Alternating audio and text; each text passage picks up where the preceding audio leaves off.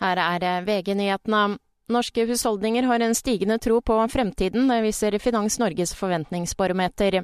Etter et historisk lavmål i 2022 viser tallene nå gryende optimisme og økt tro på framtiden, men nordmenns forventninger til egen og norsk økonomi for første kvartal er fortsatt svært lave sammenlignet med tidligere år. Snevet av optimisme kan skyldes at inflasjonen synes å ha kommet under kontroll, og at arbeidsledigheten fortsatt er lav. Reporter Thomas Alsaker.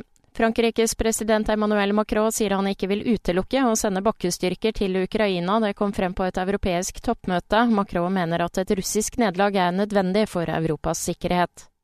USAs president Joe Biden sier han håper på våpenhvile i krigen mellom Israel og Hamas innen mandag neste uke. My national